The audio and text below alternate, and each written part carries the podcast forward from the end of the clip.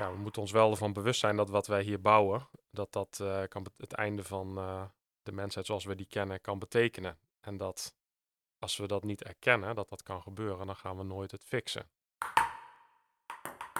Ik, ik, hoor allemaal journalisten die ermee bezig zijn. Weet je wel, die een beetje puzzelen. Maar ik zie gewoon dat er fout in zitten. En dat blijft ook als hij heel goed ontwikkeld is. Moet je gewoon zelf blijven nadenken. Welkom bij Wederhoor, de podcast van Villa Media, waarin we praten over zaken die de journalistieke media raken. We doen dat via interviews, debatten en zoals nu een dubbel interview met de onderzoeksjournalisten Kim van Keken en Stijn Bronswaar. Mijn naam is Frans Oremus. Welkom Kim en welkom Stijn. We gaan het dit keer hebben over het veelkoppige monster artificiële intelligentie, maar dan toegespitst op de journalistiek. Die lijkt vleugels te krijgen sinds de introductie van ChatGTP, de een vreest voor zijn baan, anderen zien ongekende mogelijkheden. NRC-journalist Stijn Bronswaar bijt zich sinds kort als verslaggever vast in artificiële intelligentie. Hij werkt al sinds 2007 in verschillende functies bij deze krant, waaronder drie jaar als adjunct hoofdredacteur. Kim van Keken is een bekende Nederlandse onderzoeksjournalist, bekend om haar onthullingen en onderzoek naar corruptie, belastingontwijking en politieke invloed. Meteen een vraagje. Een van deze voorgaande introducties van jullie is geschreven door ChatGTP met de opdracht eh, introduceer puntje, puntje, puntje. Wie is dat, denk je? Dat ben ik, want het klopt niet. Oké. nou, je bent bekend. Ik heb nog nooit naar belastingontwijking onderzoek gedaan. Echt niet. Oké, en er staat verder ook helemaal geen titels waar je hebt gewerkt. Eh, Dat je journalist van het jaar bent geweest in 2017, dat heeft hij ook niet eh, opgehaald. Nee, ik heb natuurlijk zelf, mezelf ook een keertje opgezocht erin. Ja. Of, eh, hè, en dan klopt er ook echt geen hout van. Toen ik het heb ingevoerd bij mezelf, had ik eh, een eh, Duitse oorlogsspion ontmaskerd. En hele mooie reportages gemaakt aan de Turk-Syrische grens. Wauw. Was dit programma. Ja. Ja. En dat klopt ook niet. Nee, nee, Nee. nee. die spion die bestond ook niet. Het was ook een soort gefictionaliseerd persoon. Ja, Dat is echt, vind ik, eh, en heel gevaarlijk natuurlijk dit, maar ook wel super interessant. Hoe zo'n programma gaat hallucineren, heet dat. Dus dat het eigenlijk dingen gaat invullen ja. uit zichzelf. Maar wel heel vlijend. En dat, Ja. Dus hij is wel in staat om je te kietelen. Dus eh, er staan allemaal van die enorme superlatieven van wat ik ben. Ik denk, wauw, ik ben echt wel echt heel belangrijk. ja Dus maar- het, het geeft je wel vleugels. Dus je wil het wel graag geloven. Ik wilde wel geloven wat er stond. Nee, je moet er niet van uitgaan dat als je om, om eh, informatie vraagt, kan je beter het programma niet gebruiken. nee. Nee. Nee. In ieder geval, je kan er niet van uitgaan dat het klopt. Nee. En Stijn, wat is eh OpenAI eigenlijk voor bedrijf? Ja, dat is een, techbedrijf uit San Francisco. Dat eh, in november vorig jaar dat het programma ChatGPT heeft eh, uitgebracht. Dat was eigenlijk de eerste keer dat je dat iedereen eigenlijk eh, zo'n zo'n taalrobot kon gebruiken. Ook zonder enige kennis van zaken of eh, dat je goed met computers moet kunnen, in, kunnen, kunnen omgaan. Je typt een vraag in en eh, je krijgt eh heel uitgebreid antwoord van het programma. Ja. En ze hebben een grote investering van Microsoft gekregen. Die zitten daar met heel veel geld in. En eh, OpenAI is een non-profit. Zo is het ook begonnen. Met van, het moet voor iedereen... Dit, eh, we gaan iets ontwikkelen dat eh, de samenleving ten goede gaat komen. Want AI gaat heel bedreigend zijn. En we willen dat op een goede manier doen. Maar je ziet nu dat van allerlei kanten dat toch, toch een normaal, de trekjes van een normaal bedrijf krijgt. Dus het wil geld verdienen door betaalde abonnementen. En Microsoft zit daar met eh, heel erg veel geld in. Dus dat, dat leidt ook wel tot veel eh, discussie. Eh, de grote innovatie van, van AI voor de journalistiek. En misschien dat ik even begin inderdaad bij jou, Stijn, met de vraag. Jij bent net geweest in, in Silicon Valley. Dat volgens heel veel mensen al bijna dood was. Maar dat schijnt nu toch een soort opleving te krijgen. En het heeft met name te maken met AI, begrijp ik. Ja, het is wel als je daar nu komt. Ik ben daar vijf dagen geweest en als je met mensen spreekt, is het eigenlijk, als je, je begint over crypto of Web3 of metaverse of eigenlijk al die andere hypes, dan begint iedereen te lachen. En dat gaat echt alleen maar over AI. Eh, en ze zeggen daar ook, het is ook wel echt, het is een hype, maar een andere hype dan crypto bijvoorbeeld. Hè? Want dat ging heel erg over de toekomst. Van in de toekomst gaan we geen banken meer nodig hebben. En in de toekomst gaat alles op de blockchain en dit en dat. En AI wordt nu al heel erg gebruikt. Je ziet nu al heel veel bedrijven, waaronder heel veel mediabedrijven, al heel druk bezig zijn met hoe kunnen we deze technologie gebruiken. Je ziet dat mensen hun tekst schrijven uitbesteden aan dit programma. En dat maakt het wel heel tastbaar. en ja, het is. eh, en die, die investeerders in Silicon Valley zijn eh, misschien nog wel hy- hypegevoeliger dan eh, de start-ups. Dus ook het geld gaat dan, aan, gaat dan naartoe en dan komen er weer nieuwe ideeën. En ja, zo ontstaat er een soort eh, zelfversterkend effect van iedereen die hier achteraan rent. Ja. Het en het is tegelijkertijd ook heel bijzonder, vind ik. Mhm. want- Mhm. Vind jij dat ook, eh, Kim? Jazeker. Ik, ik, omdat je toch een beetje hebt, ik zit gewoon met iemand te communiceren. Wat niet, je weet dat het niet zo is, maar voor je het weet zit je toch een beetje. Mag ik je tutoriëren? Vroeg ik hem ook. dat, dus je gaat toch een beetje. Ja, dat mag. maar dus je gaat wel echt. Ja, en dat heb je natuurlijk niet met Google. Dan heb je toch echt wel het idee dat je eh, machine voor je hebt. Mhm. Dus het is ook wel verleidelijk om te denken dat je echt met iemand aan het praten bent. Maar zie jij ook de, de, de, de mogelijkheden die er... eh, er zijn dus veel journalisten die zeggen van, nou, dit is fantastisch. eh er kan van alles mee en dat eh, neemt mijn werk uit handen bijvoorbeeld. Nou, de eerlijkheid gebied moet zeggen dat ik op zo'n niveau nog niet echt ernaar heb gekeken. Ik natuurlijk op Twitter heb ik een opmerking gemaakt naar Stijn van... oké, kan ik eindelijk mijn strandtent beginnen? Ja, leg dat eens uit. Nou, altijd als ik het niet meer zie zitten, dan, dan denk ik... oh ja, ik ga die strandtent beginnen. Dat heb ik ook eigenlijk wekelijks voor elke deadline. Nu ben ik er klaar mee en dan ga ik een strandtent beginnen. Dus in dit geval ook. Ik, ik ben wel een beetje, ik merk dat journalisten heel erg de neiging hebben om toeltjes heilig te verklaren. Dat zie ik ook met datajournalistiek of WOP of de, de WO. eh, in plaats van dat we nog de onderzoeksvraag stellen. Dus vaak begint het al met het systeem en de tool. En dan pas komt de echt goede onderzoeksvraag. Terwijl je heel soms, heel vaak kan je ook gewoon nog iemand bellen om informatie te krijgen. Ehm, eh, het valt me al op dat we dat al een beetje aan het verleren zijn. En ik denk in die zin dat we een beetje moeten oppassen met de AI. Jij, van, jij vindt eh, dat het te groot wordt gemaakt. Ja, Eh, ik- ja, eh, ik denk dat het waar is wat je zegt. Dat, dat, en wat wij doen is natuurlijk een eh, beroep van menselijk contact, hè, journalistiek. Eh, en, en AI zal nooit, eh, dan in dit geval zo'n taalsysteem, zal nooit eh, met bronnen gaan afspreken, zal nooit op reportage gaan, zal nooit onderzoeksjournalistiek doen, zal nooit een interview afnemen. Eh, maar ik denk dat we niet moeten onderschatten, zeg maar, wat, als je ziet hoe die, die software, hoe ver die nu al is, hoe goed die teksten al zijn. En dat het wel vrij snel beter wordt in schrijven dan wij. Eh, en misschien gaan wij wel toe naar een soort toekomst waarin journalisten als, als, als wij vooral dingen ophalen en een machine het schrijfwerk laten doen. En hoe, hè, hoe moeilijk kun je die verleiding weerstaan? Dat vraag ik mezelf nu ook regelmatig af. Want je zegt zelf, het is, elke deadline is gewoon een, eh, een moment om het beltje maar neer te gooien. Ik herken dat heel erg. Schrijven is het moeilijkste onderdeel van, van het maken van een verhaal. Hoe verleidelijk is het als jij weet, je gooit al je quotes, je gooit al je observaties, je gooit alles wat je weet, gooi je in zo'n machine en die komt met een fantastische longread terug met een geweldige spanningsboog, perfect geschreven. Hoe verleidelijk is dat? En moeten we dat willen, wel of niet? Mhm. Ehm, Ja, geef het antwoord eens. ja, ik, ik, ik, nou, ik ben ook niet meteen uitgesproken dat ik zeg van dat mag echt absoluut niet en dat is, eh, Hm. dat is vreselijk. Eh, dat weet ik niet zo goed of dat echt zo vreselijk is. Wat zou jij daarover zeggen, Kim? Nou ja, ik vind dat het vastlopen hoort erbij. Eh, ook in de zin van, heb je wel goede informatie? Moet je toch niet nog meer informatie gaan halen? Eh, meestal is dat namelijk het geval als ik vastloop. Dat ik toch gewoon net even de kern nog niet heb. Dat ik toch nog eventjes iets moet opzoeken. Ehm, en bovendien is schrijven wel echt een creatief proces. Zo zie ik het wel. Dus eh, misschien kan er best wel wat aardigs uitkomen. Je hebt ook nog verschillende stijlen en noem maar op. Ehm, en, en juist ook als ik schrijf, denk ik ook na over het onderwerp, zeg maar. Eh, Ja, Dus dus, ja, jij ik- zegt stijl en inhoud gaan eigenlijk samen. ja, je dat kan is, het niet allemaal in een machine kwakken. ehm, want hij maakt er wel wat van, maar de vraag is of dat dan goed is. Want soms heb ik ook gewoon echt te weinig informatie om een verhaal te schrijven. Ja, dus moet dat- toch terug naar die ja. basis. Dus los van de informatie, maar is ook de stijl verandert dus eigenlijk. Dus eigenlijk, eh, je had natuurlijk journalisten, je hebt journalisten die een heel eigen pennetje hebben, een hele eigen signatuur.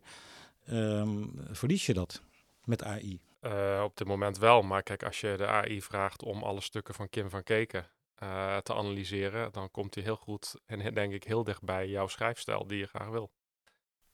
Ja, ik zeg niet nou ja, dat je dit ja. moet willen, hè, maar ik denk wel dat het, eh, en dat geldt voor, gaat voor bijna alle beroepen gelden, daar ben ik echt van overtuigd. In ieder geval misschien niet voor de mensen die je badkamer verbouwen of, eh, of eh, koks en, buschauffeurs, eh, maar wel voor iedereen die met een computer werkt, dat AI, zeg maar, eh, je op een of andere manier met AI gaat werken en een bepaalde taak van jouw werk gaat overnemen en kan helpen. En ik denk dat het heel goed is om, om met die technologie kennis te maken en dat te gebruiken om te zien, kan je het gebruiken? Waar, wat kan het wel goed, wat kan het niet goed?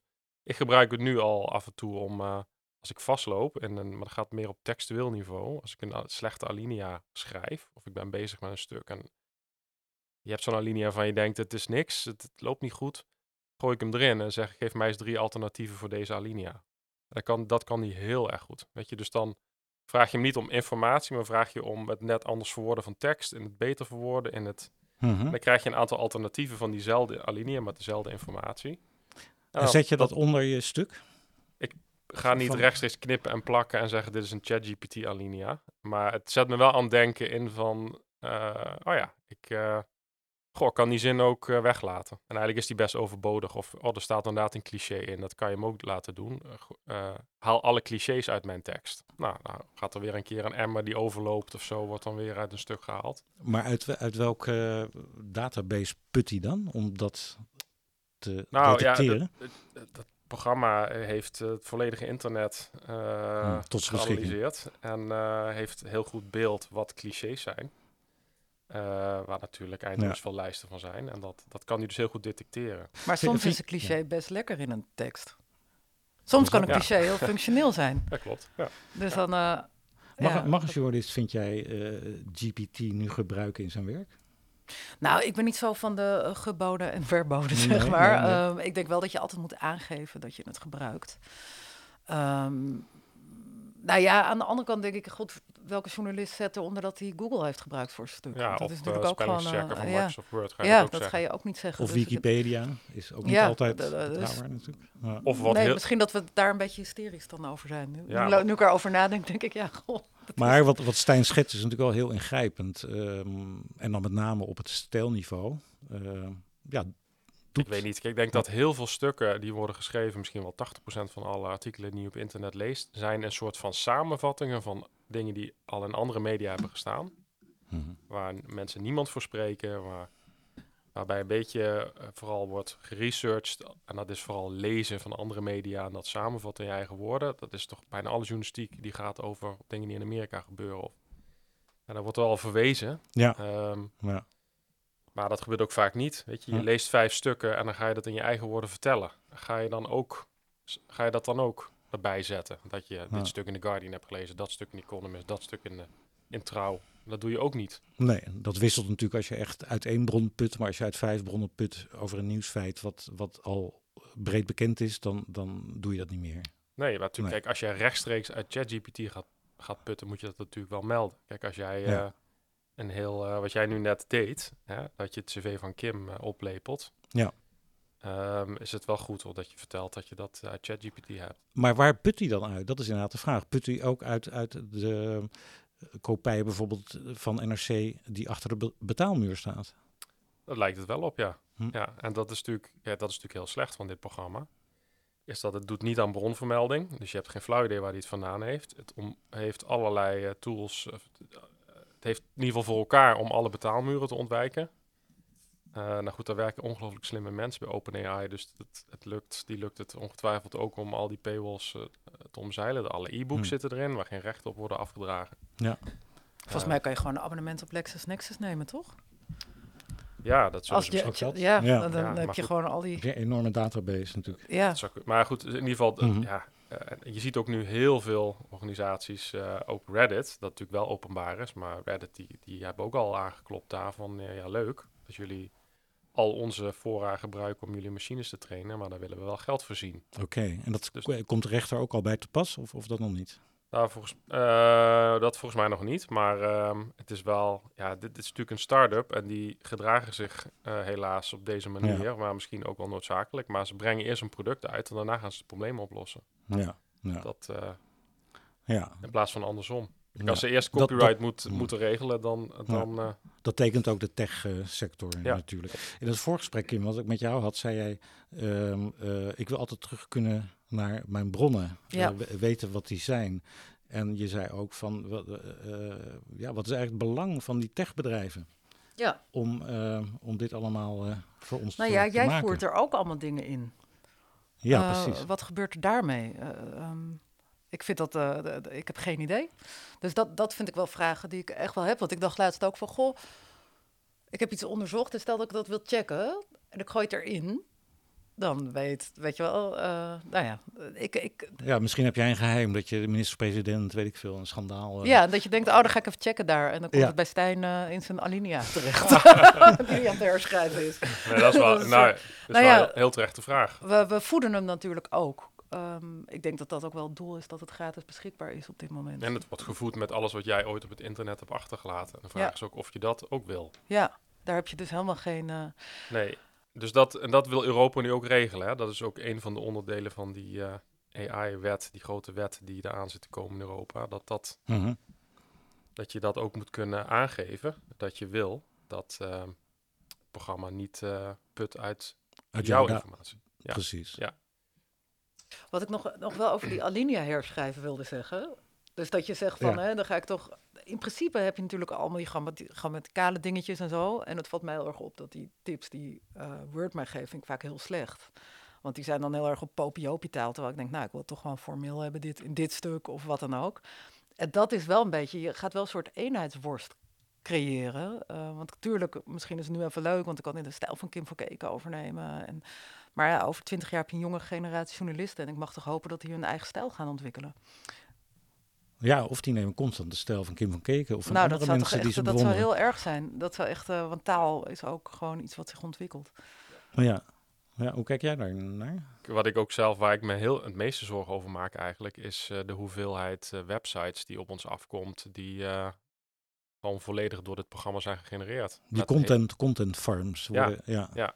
En reken maar, dan geloof ik echt, dat er straks een tal van nu.nl-achtige websites zijn die eh, automatisch vollopen met eh, heel goed, eh, goed goede nieuwsberichten. goed geschreven nieuwsberichten, maar dan wel waar niemand door voor is AI. gebeld, Ja, maar ja. waar wel alle informatie in staat die overal beschikbaar is op andere sites van journalisten die daar het werk voor hebben verricht. En dat is natuurlijk heel zorgwekkend. Is dat zo? Nou ja, ja, dat denk ik wel. Ehm, en ook, ja, het, het, het dwingt je ook, zeg maar, om dat, dat gesprek hebben wij ook wel bij NRC, van eh, moeten wij dat dan nog wel willen? Weet je, dat soort journalistiek.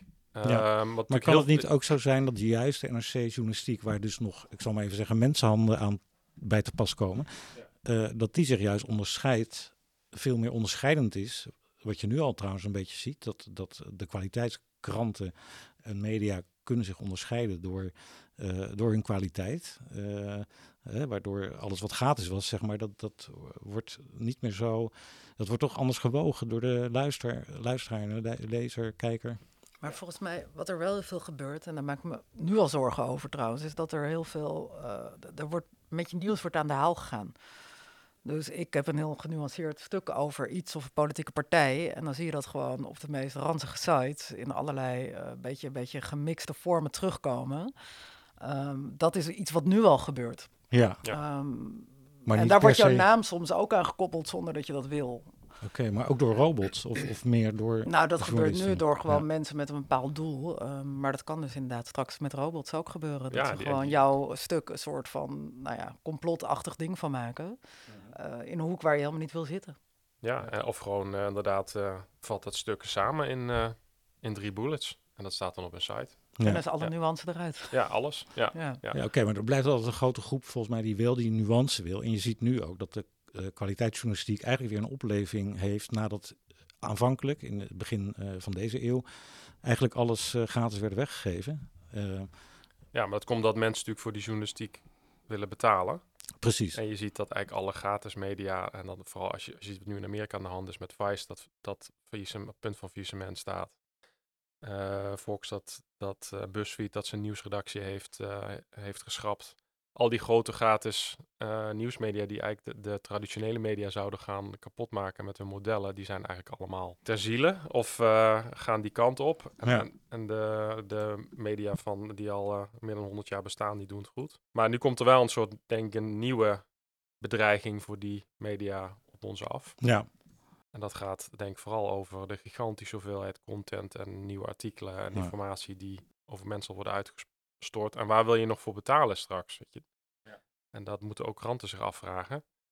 Ehm, nog meer inzet op onderzoeksjournalistiek, nog meer op verhalen die je nergens anders leest, nog meer op reportage gaan. Juist de dingen die jour- journalisten mens maken. Er wordt ook natuurlijk heel erg gewezen op, eh op nepnieuws, het gevaar daarvan. Laten we heel even naar een fragment luisteren. Jullie kennen het vast allemaal. I better use some Tic Tacs just in case they start kissing her. You know, I'm automatically attracted to beautiful. I just start kissing them. It's like a magnet. You just kiss. I don't even wait. And when you're a star, they let you do it. You can do anything. Whatever you want. Grab them by the pussy. you can do anything.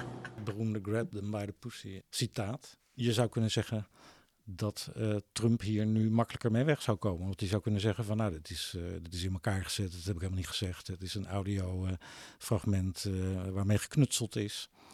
Is dat een gevaar? Ik denk, ik denk niet meer dan het nu al is, want dat roept hij, kan hij nu ook roepen. En eh, zijn gelovers geloven dat toch. Ik denk dat we sowieso in een tijd leven waar mensen ook willen geloven in hun eigen bubbel. Wat ze geloven, zeg maar.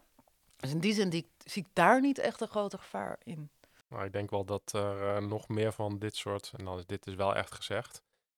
Maar deepfakes, Rutte en zogenaamde persconferenties dingen laten zeggen.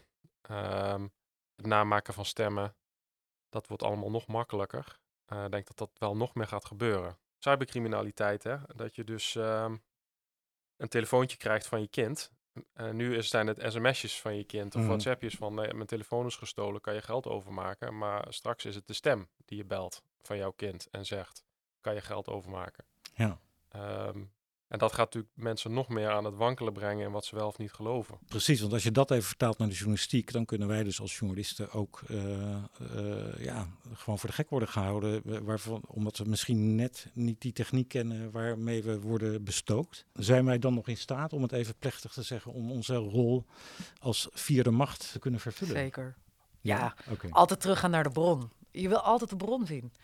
Ik denk dat we daar sowieso een beetje slordiger in zijn geworden soms. Ehm, dat merk ik heel erg. Ik Door altijd- sociale media? Ja, maar ook gewoon, we zijn best wel snel van nou één keertje googelen. Of weet je, ik ben, ik ben heel erg van de school van als je één keer wat leest, moet je het minstens nog vier, vijf keer, of het liefst zoveel mogelijk. Hè? Zelfs in archieven. Ik, ik heb het liefst gewoon zes keer een artikel die goed is daarover. Mhm, Dan één. mhm. Ehm, dus je moet checken, checken, checken. Dat is gewoon onze taak. En soms gaan we daar wel losjes mee om. Ik merk dat gewoon hoe snel persberichten worden overgenomen, hoe weinig er gecheckt wordt, hoe weinig telefoontjes erachteraan worden gepleegd. Eh, dat is nu al een probleem. Eh, maar dat, het kan zeker wel. Ja, Zolang je blijft checken en teruggaat naar je bron, ja, ja. kan Maar je dat, dat, dat, gewoon is dus, altijd aantonen. dat is het, dus heel erg het handwerk. Nog, hoe, hoe kan je nou, als je, om het heel concreet te maken, als je een, een portret maakt van Xi Jinping of, eh, of Poetin, hoe kan eh, AI daarin jou, jouw vriend zijn? Eh, waarin kan die jou helpen? Daar ga je nu niet, eh ChatGPT gaat je daar niet mee helpen. Oké, Nee. Het is echt een manier om, om ehm, taal te genereren, maar ook bijvoorbeeld om, daar kan het wel behulpzaam mee zijn. Kijk, als jij een, document krijgt van duizend pagina's of een jaarverslag, Mhm, daar zie ik het wel in. mhm. Dan kan je hem wel vragen, kan je daar eens eh, de vijf eh, dingen uithalen die volgens jou het meest eh, nieuwswaardig zijn? Ja? Mhm. En ik zeg niet, ik zeg niet Ja. dat dat dan, dat je dan nummer dan één klopt. daar een stuk van moet maken. Precies. Ja, maar je kan wel, dat, die vijf dingen kun Hmm. je wel gebruiken om, eens te, om daar te beginnen. Om eens, te kijken, om eens die vijf eerst af te gaan. Ja, En misschien ontdek je dan wel die, Ja. die bom op pagina 823, eh, waar het bedrijf net iets heel pikants heeft verstopt, dat je anders niet had Ja. gezien. ik snap het. Maar zou, zou jij Is dat, vertrouwen, eh, Kim? als jij, als jij vijf van die dingen zou krijgen van, nou, dit is... eh, Zou je dat niet gebruiken? Nee, want ik merk nu al, maar dat bijvoorbeeld eh, met data invullen doe ik altijd zelf. Omdat eigenlijk tijdens het invullen merk je al dingen. Eh, dat je denkt, met data invullen, wat bedoel je daarmee? Nou, als ik een dataset maak, bijvoorbeeld over de neeffuncties van waterschappen, dan zou je kunnen scrapen natuurlijk. Maar toch, als je aan het invullen bent, dan zie je dingen die, je, die niet per se uit de computer komen, maar waar, die je zelf gewoon, omdat je eh, een soort van historische kennis hebt, of, ook. of ja. dat je denkt, god, dat Ja. is grappig, of eh, dat je een beetje gaat googlen, dat je denkt, god, die man die ziet er grappig uit, wat zit er nog meer achter? Dus ik ben sowieso, eh vertrouw ik dat niet. En met die jaarrekeningen, ik heb een paar keer primeurs gehad. Nou, en van jaarrekeningen, dat had de computer er nooit uitgehaald, denk ik. Nee. Want? Nou, omdat het zo niet normaal was, zeg maar. Dat heb ik, weet je wel, dat, dat, dat was niet iets van, oh, hier zit een soort afwijking of dit is, hè, zoals negatieve goodwill, daar, daar was dan iets mee eh, met, met een zaak. Ik denk niet dat een computer dat gevonden had. Ik Ook- denk dat dat, dat, dat is echt gewoon eh, ja, de dus hulp, e- met nou, hulp van accountants lezen, zo'n ding. Dus even naar het rapport van duizend pagina's waar, waar Stijn het over had. Eh, jij zou dat gewoon zelf gaan lezen en, en jij vertrouwt erop. Nee, ik oh, vertrouw er niet op, maar ik zou... eh, je gaat niet het duizend als pagina's input. lezen. Ik zie het als input. Het is gewoon een, hulp, een hulpmiddel die jou eh, eh, die je als een soort assistent kan gebruiken en die jou misschien op andere gedachten kan brengen. En dat kan ook met tekst, en maar dat kan ook met zoiets. Want het is heel erg goed in het halen van informatie uit grote bestanden, in het maken van samenvattingen. In het, dat kan je aan het, kan je aan het denken zetten. Ehm, maar dat betekent niet dat je erop moet vertrouwen. Weet je, dat dus dat betekent niet dat je dan dat document maar niet moet lezen. Of er niet ook zelf naar moet kijken. Want Kim heeft wel gelijk. Natuurlijk, je gaat natuurlijk. eh, je eigen intuïtie moet je natuurlijk wel blijven volgen. Je gaat zelf ook dingen vinden die zo'n programma niet vindt. Maar ik zou het zelf eh, zonde vinden om daar niet gebruik van te maken. Ja. Ja, want als het nou, wat Stijn net schetste, hè, van, van eh, journalisten eh, of nieuwsberichten worden soms vijf keer opnieuw geschreven door verschillende media. Eigenlijk staat er allemaal hetzelfde in. Als journalisten die tijd nou, eh, of, of die arbeid zouden overlaten aan AI. En hebben ze dan niet gewoon veel meer tijd om eigen nieuws te maken, om tijd vrij te maken voor, voor, voor onderzoek? ja, maar dat kan ook zonder AI, denk ik. Want ik vind persoonlijk dat er te veel persberichten worden overgeschreven. Dat eh, zou je echt wel, wel wat meer... eh hè, er wordt echt heel vaak gewoon, zeker Ja. in Den Haag, zie ik gewoon dat eh, het persbericht van het ministerie zo'n beetje wordt samengevat. Terwijl als Ja. je het echte stuk leest, zitten er hele andere dingen in. Maar zou je nu dan niet zo'n persbericht kunnen invoeren bij AI, bij, bij Nou, ChatGPT? Gewoon vragen nee, van, want- maak je er een journalistiek bericht van? Nee, want ik vind eigenlijk persberichten überhaupt geen journalistiek bericht. Dat is gewoon PR. Dus daar moeten we sowieso Eens. van af. dus, ehm, ja, ook, ja. nou ja, op de economieredactie zou je het ook wel zien hoe makkelijk hè, sommige media gewoon eh, eh, het persbericht van eh, de Rabobank erin knallen. Ja. De- ik vind juist dat we daar veel kritischer op moeten zijn. Dat moeten we zeker niet door eh, kunstmatige intelligentie laten doen. Dat moeten we gewoon niet meer doen. Nee, maar ik denk wel, dat er gaan wel heel veel sites zijn, straks zijn die dit wel doen. Die Ja. van elk persbericht een nieuwsbericht maken. Zou ik zeggen, eh, laten wij dat dan lekker aan die websites over. En laten wij ons tijd stoppen in, eh, in het journalistieke werk waar mensenwerk Ja. voor nodig is. Waar eh, die programma's niet kunnen. Dus, je, ja, je moet, dat, dus we moeten ons wel gaan verhouden tot, ja. tot deze technologie. Ik zie Kim eh, knikken. Jij, jij gaat je Nou, ik denk daartoe van verhouden? fantastisch als Ja. gewoon eh, kranten, alle kranten gewoon stoppen met persberichten doorzetten. En dat het ook niet meer de reflex wordt van... eh, ik ga beginnen aan mijn werkdag. Ga eens heel even kijken wat er allemaal in het nieuws is. En op basis daarvan ga ik mijn keuzes maken als journalist. Ja, dat, wordt, eh, dat is denk, denk ik nu al niet echt wenselijk. Maar eh, dat wordt straks... eh, daar gaan mensen echt niet meer voor willen betalen. Nou, Ja. eigenlijk moeten we gewoon weer terug naar de basis. En dat is? Nou, voordat de persberichten ons eh, overspoelden, gingen we ook veel meer op pad volgens mij. En, eh, hoe lang geleden bellen. is dat? Ah, Nou ja, ik weet nog dat ik het best bijzonder vond dat Greenpeace een woordvoerder had. dat ik dacht, eh, sinds wanneer hebben actiegroepen een woordvoerder? dus ik kon er wel een beetje uit. Ehm, maar nu is het inderdaad, je wordt alleen maar overspoeld door woordvoerders. En, dus dat, nou, laat die lekker naar die eh, automatisch gegenereerde site gaan. En dan gaan Mhm. wij ons echte werk weer doen. Ja, ik denk juist vooral dat die, die mediabureaus, hè, die dus die persberichten schrijven, ik denk dat, daar, dat die het ook heel lastig gaan krijgen. Ja. Ik denk dat er heel veel pe- de persberichten straks allemaal door AI zullen worden geschreven. Dus dan kan je zeggen van, eh, maak hier eh, een samenvatting van van deze jaarrekening, maar hou het bommetje even eruit. Ja, Zo heel erg gezonder in. Nou, ik proef bij Stijn een beetje dat eh, hij vindt dat de journalistiek AI moet omarmen. Eh, en dat we anders misschien, of dat zeg ik er dan zelf maar even bij, al- eh, het gevaar lopen, net als bij het begin van internet, de boten missen. Eh, waarbij het begin van internet werd natuurlijk heel veel gratis weggegeven door nieuwsorganisaties die wel journalisten in dienst hadden. Eh, en zijn pas de laatste jaren dat in gaan halen met betaalmuren. En blijken mensen ook eh, eh, te willen betalen voor kwaliteitsnieuws. Ehm, ja, denk jij dat dat eh, met AI... Ja, ik sta er anders zelf- in ja. qua geschiedenis. Want ik denk wel dat we het wilden omarmen door alles gratis weg te geven. Dus ik, ik, eh, dat is niet niet omarmen, dat is juist een beetje te veel omarmen. Nou ja, vanuit journalistiek perspectief. Maar, ja, nou ja, da- da- ja. da- daarvoor... eh, maar heb- uitgevers, eh, voor, vanuit uitgevers was het niet zo'n slimme move. nou ja, dat dachten zij toen wel. Ja. Omdat ze dachten dat er een advertentiemodel zou komen. Dus ik bedoel, eh, hè, dus, dus dat was wel ook wat de uitgevers wilden. Gratis weggeven, gratis weggeven. Ik heb discussies nog meegemaakt op de redactie van de Volkskrant. Mhm.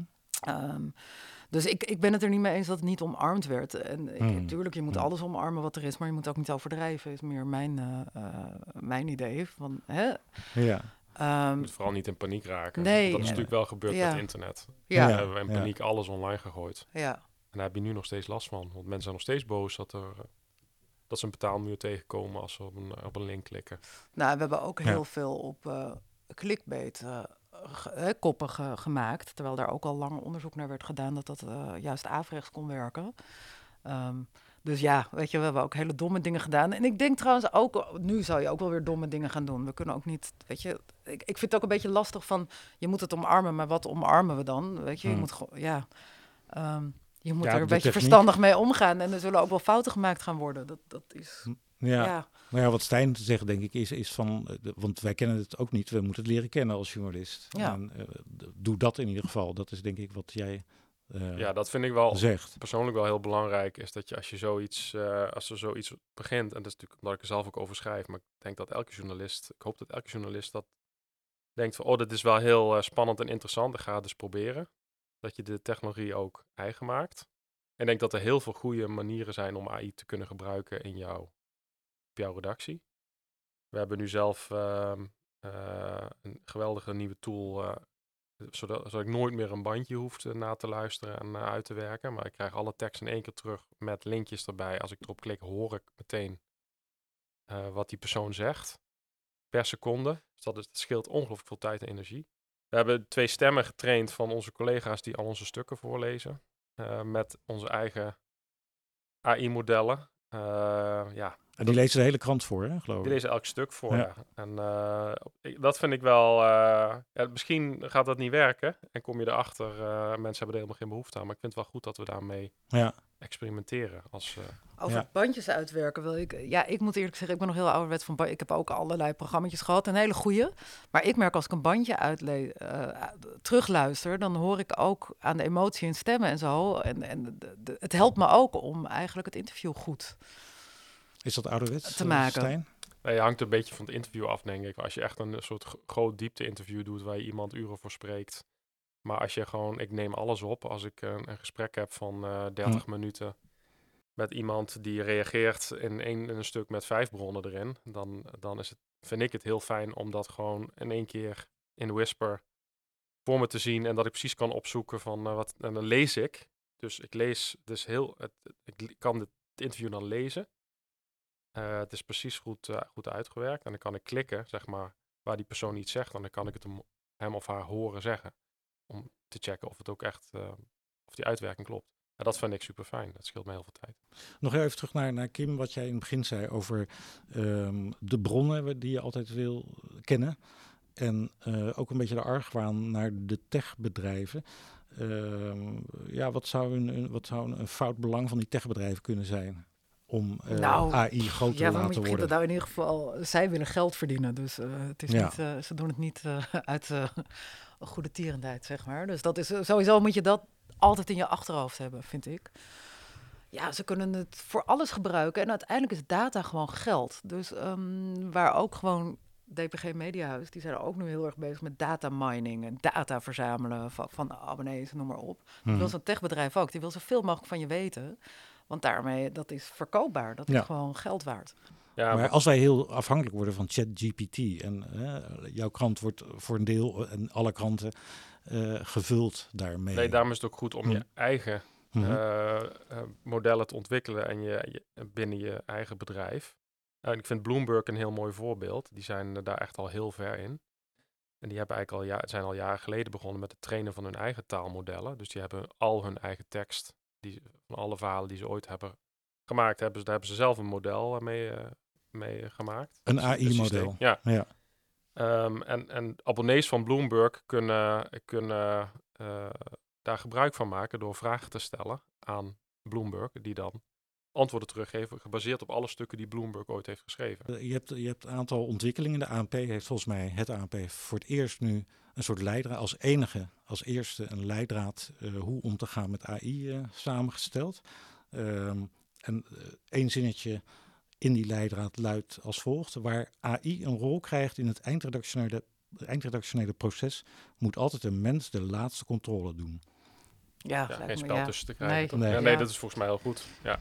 Ja, En Mediahuis heeft nu ook zo'n zo'n soort leidraad. ja. ja. ja, en eh, da- daar staat iets vergelijkbaars in. En volgens mij is dat voor nu ook wel heel goed hoor. Ik, heel veel media hebben dit, zijn hier nu mee bezig en wij zijn er ook mee bezig en over aan het praten. Het zal of op hetzelfde neerkomen, denk ik. Hm, dat wordt gewoon Nou, machinewerk. wordt gewoon eh, Precies. mens-machine. Ja, Eh, mens doet een opdracht, eh, bouwt een algoritme en de machine Hm. die komt met 300 stukken elke ochtend. En die worden op een website gezet waar iedereen gratis naartoe kan met advertenties erop. Ja. Dat, dat soort nieuwsites gaan komen. Nu zijn die AI-systemen nog niet in staat om alles wat voor 2019 is gebeurd, wordt niet gebruikt. Want die data zitten daar nog niet in. Hè? Die- Ja, die zijn dan, dat Ja. vindt OpenAI dan nog te onzeker, Precies. omdat het nog, ja, er is te weinig informatie over. Maar goed, het is natuurlijk een kwestie van tijd tot, die, tot je gewoon zo'n programma kan vragen, wat zijn de laatste ontwikkelingen in Oekraïne? Ja. En eh, dan krijg je het gewoon eh, opgelepeld. ja. Hoe zit het eigenlijk? ja, en toch missen daar ook dingen in. Want ik heb Ja. ook wel een beetje gekeken van... eh, hè, wat, hè, wat voor moties zijn er bijvoorbeeld over privacy gediend voor 2021. Maar dan komt er niet zo heel veel uit. Niet, niet, niet de goede informatie, zeg maar. Nee, maar ja, Dus het dus het is ook nog, beetje... het is allemaal nog niet volmaakt. Weet je, dus de neiging is ook snel, dat, eh, om dan te, dat zie ik ook wel, veel, een beetje een journalistieke reflex af en toe zie ik wel om me heen. Van ja, oh, het maakt veel fout, het is niks. Ja. Ehm, Er zijn, journalisten maar- zijn maar geen bedoel- early adapters Nou ja, nou ja, dat is onzin om te zeggen. Ja, in het algemeen. wat, het- ja Ik- nee, volgens mij, al, ik, ik, ik hoor allemaal journalisten die ermee bezig zijn. Oké. Weet je wel, die een beetje puzzelen. Maar ik zie gewoon dat er fout in zitten. En dat blijft ook als hij heel goed ontwikkeld is. Moet je gewoon zelf blijven nadenken. Dat lijkt me gewoon evident. Ja. Vind jij het, dat er een te grote hype van wordt gemaakt? Van, van Ja. ChatGPT? Nou ja, ja. En ik Ja. vind ook dat ook het, het, het, het idee dat journalisten er niets mee doen is echt onzin. Want ik hoor best wel veel mensen die er naar kijken. En uh, Ja, maar die reflectie die, die uh, Stijn net... Ja, dat, nou ja, die, dit lijkt, me, heel, het lijkt me een hele goede reflex. lijkt me echt een hele goede reflex. Ja, wat is het? Dit, dit klopt niet. Dus je moet wel... Uh, stel dat het allemaal wel klopt, hè? Mm -hmm. dan nog is er wel een kans dat er ook iets fout zit. Dus je kan, je kan niet ervan uitgaan. Ik vind, Ja. ik vind een beetje de, ik vind een hele gezonde journalistiek uh, reflex om een beetje sceptisch naar dingen te kijken. Ja, en dat doen er meer natuurlijk, want er zijn uh, nou ja, politici, directeuren van techreuzen, wetenschappers, maar ook werknemers in Silicon Valley zelf uh, zijn openlijk bezorgd over de mogelijk vernietigende potentie van generatieve AI. Um, laten we even luisteren naar een fragment van de godfather van AI, Jeffrey Hinton. Uh, die uitlegt waarom hij Google verlaat. En dat is eigenlijk vanwege de gevaren van AI. What worries you the most about what could be used with this technology? So there's a lot of things that a lot of other people have talked about to do with um, being able to produce lots of fake, lots of text automatically, so you can get lots of uh, very effective spam bots. Um, it'll allow authoritarian leaders to um, manipulate their electorates, things like that. Um, I'm not really talking about those. There's another particular thing I want to talk about, which is the existential risk of what happens when these things get more intelligent than us. Ja, dat is het grote gevaar. Dat ze intelligenter, dat AI intelligenter wordt dan wij. Ja, lijkt me een potentieel gevaar, ja. Ja. Ja. Nou, dat is, en dat, dat wat Hinton hier zegt, dat hebben, uh, dat hoor je nu heel veel. En zelfs de topmensen van AI-bedrijven, zoals die Sam Altman, dat, hè, de baas van OpenAI, van Mhm. ChatGPT, die zegt, uh, die zegt dat ook. In bijna elk interview zegt hij, uh, ja, we moeten ons wel ervan bewust zijn dat wat wij hier bouwen, dat dat uh, kan het einde van uh, de mensheid zoals we die kennen kan betekenen. En dat als we dat niet erkennen, dat dat kan gebeuren, dan gaan we nooit het fixen. Nou wil hij daar ook een hype mee creëren rond zijn, zijn eigen persoon, okay. zijn eigen bedrijf. Hè. Maakt hem natuurlijk heel belangrijk als een soort personage. Maar uh, ja, ook Bill Gates zegt het ook. En ja. ook Elon Musk. Elon Musk heeft het zelfs gezegd. En het is vrij uniek dat er wordt opgeroepen door, door alle partijen eigenlijk, of in ieder geval mensen binnen alle partijen, bij zowel uitgevers als, als overheid, politiek, uh, om met een innovatiestop te komen. Uh, uh, vergelijk met de vergelijking, maar de, de- bijvoorbeeld de wapenwetloop, dat eh, was in de jaren tachtig, eh, was iets waarvan eh, daar moeten we mee stoppen. Ehm, maar verder is er nog nooit een technologische Nee, maar het is, ook, innovatiestop geweest. het is er ook niet van gekomen. Hè? Er is een brief geschreven tot duizend eh, mensen, vooral wetenschappers. Maar ook figuren als Musk, die heeft die ook ondertekend. Die drie weken later zelf een AI-bedrijf starten. Mhm. Eh, er zaten ook heel veel mensen van concurrerende bedrijven bij. eh, die eigenlijk hoopten dat OpenAI misschien wat zou worden afgeremd door zo'n. Dus het, je ja. moet die brief wel een beetje Strategisch lezen. Ja. Ja, Het is natuurlijk ja, eh, totaal onrealistisch om te denken Ja. dat eh, heel, de hele wereld eh, gaat eventjes op de pauzeknop drukt of Ja. totdat we dit hebben uitgevogeld. precies. Dat gaat natuurlijk nooit gebeuren. Nee. Maar je ziet wel, dat, dat, dat vind ik zelf wel, wel eh, ben ik ook optimistisch over. Als je ziet hoe Europa bijvoorbeeld hier eh, toch al eh, best ver is met, met, een- met zo'n AI-wet, Mhm. die eigenlijk al eh, af was tot ChatGPT kwam. En hebben ze hem opnieuw eh, Ja, teruggestuurd en opnieuw, zijn ze hem opnieuw aan het hertekenen.